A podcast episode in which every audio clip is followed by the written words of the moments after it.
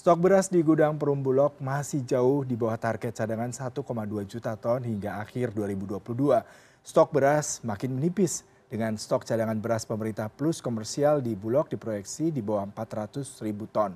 Bulog berencana mengamankan cadangan beras dan melakukan impor meskipun pastinya memicu pro dan kontra. Sudah bersama saya melalui sambungan Zoom Arief Prasetyo Adi, Kepala Badan Pangan Nasional. Selamat pagi Pak Arief. Pak Arief langsung saja ke pertanyaan saya apa ya Waalaikumsalam Pak Arief. Saya langsung bertanya nih Pak. Apa sebenarnya penyebab perbedaan data Kementan Bulog yang akhirnya berujung pada impor beras Pak Arief? Iya, pertama-tama terima kasih Mas Yuda dapat menjelaskan kepada pemirsa CNN.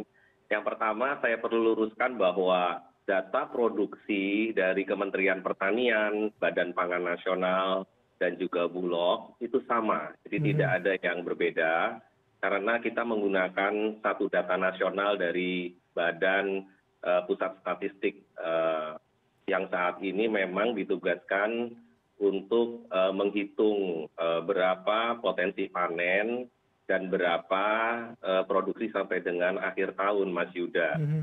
Angkanya itu 31,9 juta ton setahun ini, tahun mm -hmm. 2022. Yang ini artinya kalau rata rata kebutuhan kita sekitar tiga puluh setengah juta kita akan kurang lebih surplus satu satu setengah juta uh, ton tahun ini hmm. jadi datanya sama yeah. kemudian yang satu lagi yang dimaksud oleh Pak Budi Waseso sebagai Direktur Utama Perum Bulog, uh, hari ini malah sudah turun lagi stoknya. Stoknya itu sekitar 569 ribu ton uh, stok yang di Bulog yang seharusnya teman teman di bulog ini punya stok sekitar 1,2 juta ton Mas Yuda.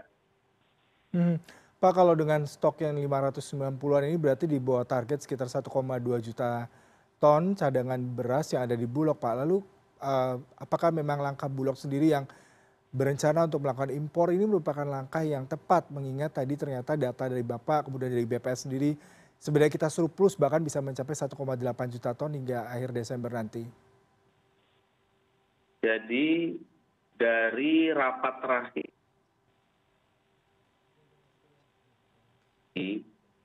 kita semua bersepakat bahwa yang pertama produksi uh, itu cukup. Mm-hmm. Yang kedua, kita mentop up stok bulog sampai level 1,2 juta ton itu mengutamakan produksi dalam negeri. Itu okay. yang pertama. Jadi mesti confirm dulu.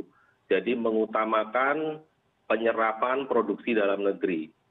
Tetapi apabila sampai dengan enam hari ke depan pada waktu meeting itu ya kurang lebih uh, sekitar dua hari lagi memang kita tidak bisa mentop up stok bulog sampai di level 1,2 juta ton artinya ada penambahan sekitar 600 ribu ton itu memang uh, kita putuskan uh, ketersediaan itu diambil dari ln dari luar negeri. Mhm. nah itu yang kita kemarin diskusikan. Tetapi juga harus disampaikan bahwa import ini uh, untuk pilihan yang terakhir gitu ya last option apabila memang tidak bisa lagi. Karena kalau kita perhatikan peta uh, atau uh, pattern dari produksi produksi padi kita itu yang uh, harus kita cermati adalah panen raya hmm. di bulan Maret April hmm. ya sehingga apabila melakukan penyerapan itu sebaiknya titik optimalnya adalah saat panen raya hmm. di mana Bulog itu menjaga harga atau floor price di tingkat petani. Jadi misalnya di tingkat petani itu 4.200, nah itu yang harus dijaga. Nanti kita juga oktober november desember januari itu waktunya kita untuk stabilisasi atau intervensi harga sehingga memang eh, tidak tepat apabila melakukan penyerapan di akhir tahun atau di masa paceklik sebenarnya. Hmm. Demikian Mas Yuda. Iya, berarti dengan kondisi di mana seharusnya panen raya di bulan Maret April, Bulog mampu melakukan kebijakan untuk melakukan stok daripada beras sendiri Pak. Tapi tadi ada informasi Bapak mengatakan biasa di bulan November, Desember terjadi paceklik. Lalu dengan gap tadi cukup besar ini sebenarnya apa Pak yang terjadi Pak? ya dengan gap yang cukup besar ini saya sebenarnya ingin sampaikan juga bahwa harus kita pikirkan end to end jadi bagaimana kita sebagai negara terutama bulog dalam mencadangkan pangannya untuk serapan juga sampai hilirisasinya. Memang ada sedikit kekhawatiran apabila bulog itu menyerapnya terlalu besar itu belum bisa mengeluarkan seperti zaman dulu mas yuda. Jadi dulu itu ada beberapa program salah satunya itu raskrin dan rastra yang memang menggunakan beras bulog sehingga beras bulog yang diserap dari petani untuk menjaga harga di tingkat petani itu dapat disalurkan melalui program program pemerintah. Tentunya raskin dan rastra atau beberapa kegiatan yang lain ya yang bisa dilakukan oleh lembaga lembaga atau kementerian lain yang memang sedang ada kegiatan. Ini akan sangat baik. Kemudian khusus untuk beras ini sendiri memang sebaiknya turnovernya juga ada. Karena beberapa waktu lalu masih tersisa stok bulog yang cukup lama karena tidak bisa dikeluarkan. Jadi sangat apa namanya sangat berkaitan antara penyerapan kemudian penyimpanan dan hilirisasi mas yuda. Berarti dengan kondisi seperti ini harusnya bulog berbenah untuk melakukan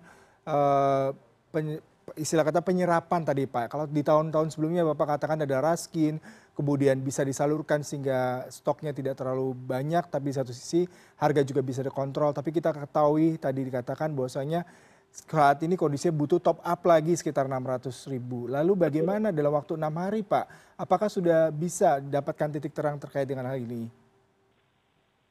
Iya kita mengapresiasi sahabat kita di kementerian pertanian karena bagi kita semua kemarin memang agak sulit ya untuk mentop up enam ratus ribu ton dalam waktu enam hari. Jadi sekarang juga masih ada penyerapan penyerapan jadi perlu saya sampaikan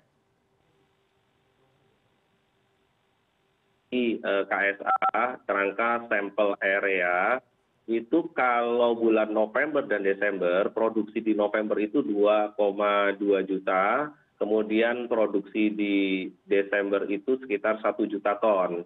Sehingga kalau kita akumulasi tiga juta ton sedangkan kebutuhan nasional satu bulan rata rata dua lima sampai dua enam. Jadi akan kalau dua bulan ini produksi dibandingkan dengan penggunaan atau konsumsi itu selisihnya sekitar dua juta ton. Nah tapi kan kita juga punya stok ya. Maksudnya bekas panen panen sebelumnya. Hanya masalahnya stok ini tidak dikuasai oleh negara yang banyak. Negara ini hanya menguasai sekitar enam puluh sembilan ribu ton hari ini. Jadi terus menurun dari mulai delapan ratus tujuh ratus enam ratus kemarin terakhir lima ratus enam puluh sembilan ribu ton. Artinya untuk amannya sebuah negara karena kita ini kan mudah mudahan tidak terjadi ya gempa seperti di cianjur kemudian di sester banjir di banyuwangi banyak hal hal yang di luar ini. Jadi untuk mentop up stok bulog ini tidak ada kaitannya sebenarnya dengan produktivitas nasional jadi kita juga harus secara fair mengatakan ini adalah keberhasilan kementerian pertanian dalam memproduksi beberapa tahun terakhir. Sehingga yang kosong ini adalah yang kurang ini adalah stok yang di bulog demikian mas yuda. Iya pak arief tadi anda katakan lima ratus sembilan puluh ribu lebih itu dikuasai oleh negara tapi sisanya dengan kebutuhan mencapai dua juta bahkan yang masih ada gap di sini ya pak lalu yang menarik adalah ketika memang kondisi pangan kita sangat dipengaruhi harga beras di pasaran mengingat tadi stoknya tidak banyak. Kita tahu inflasi salah satunya dipengaruhi oleh harga beras. Kemarin di bulan oktober bahkan mencapai 0,21 persen itu sumbangan dari beras sendiri. Tapi dengan kondisi di mana stok dari pemerintah tidak banyak pak hanya sekitar lima ratus sembilan puluh ribu tadi bapak katakan dan mau tidak mau harus impor berarti asumsi akan terjadi kenaikan harga beras nanti di masyarakat pak justru terbalik hari ini tuh petani sedang menikmati harga yang baik. Jadi kemarin kami juga diskusi dengan pak deddy dari komisi empat. Sedang menikmati. Pedagang juga sedang menikmati. Penggiling padi sedang menikmati. Hanya memang kami ditugaskan juga oleh pak presiden harus menjaga tingkat inflasi inflasi ini tidak boleh jauh jauh dari pertumbuhan ekonomi mas yuda. Jadi inflasi kita itu kontribusinya tiga persen empat persen tiga lima persen dalam tiga bulan terakhir itu itu dari beras. Ya dari beras. Nah harga gkp gabah kering panen itu hari ini adalah harga tertinggi. Jadi pada saat penggiling padi mendapatkan gkp atau gkg dengan harga yang cukup tinggi maka ini akan berbanding lurus dengan harga beras medium dan premium yang ada saat ini. Sehingga harga ini harus kita jaga. Oleh karena itu pemerintah terutama badan pangan nasional menugaskan perum bulog untuk melakukan intervensi. Satu bulan itu rata rata satu ratus lima puluh sampai dengan satu ratus enam puluh ribu ton. Nah kemungkinan besar di bulan desember dan januari itu akan menjadi yang paling besar nanti bisa di atas dua ratus ribu ton apabila kita melakukan intervensi sehingga dapat menjaga daya beli masyarakat. Jadi masyarakat itu bisa diberikan pilihan beras mana yang harganya di atas tiga belas ribu beras mana yang masih dua belas ribu atau beras medium yang dilepas dengan harga sembilan ribuan jadi ini tugas pemerintah. Tetapi kami menjamin bahwa kebutuhan sampai dengan nataru semua kebutuhan pokok termasuk dengan beras daging ayam telur semua akan terpenuhi. Pak arief ini yang menarik adalah terkait dengan buffer stock sendiri ya. Bapak katakan tadi dari pihak bulog akan melakukan intervensi sekitar enam ratus ribu lebih untuk mengamankan stok. Tapi kalau kita bicara mengenai buffer stock sementara stoknya di bawah dari target nih pak dari satu dua juta. Apakah ini justru nanti akan mengakibatkan harga akan tinggi pak di pasaran? Dan masyarakat pastinya terdampak.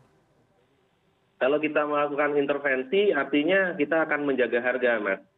Jadi beras ini akan dilepas harganya sekitar rp delapan tiga ratus dan nanti sampai ke masyarakat sekitar rp sembilan rupiah. Baik. Jadi terakhir pak cadangan beras saat ini aman meskipun tadi ada informasi stok bulog dirasa masih di bawah satu dua juta dan target pemenuhan hingga akhir tahun ya pak? Iya kita menjamin masyarakat tidak perlu khawatir karena beras ini akan cukup dan kami menghimbau tidak perlu panik jangan belanja berlebihan karena kita menjaga supaya stok ini bisa merata kepada masyarakat. Demikian mas yuda. Terima kasih. Baik terima kasih pak ari prasetyo adi kepala badan pangan nasional untuk perbincangan pagi hari ini. Salam sehat selalu pak. Salam sehat mas yuda. Assalamualaikum. Waalaikumsalam warahmatullahi wabarakatuh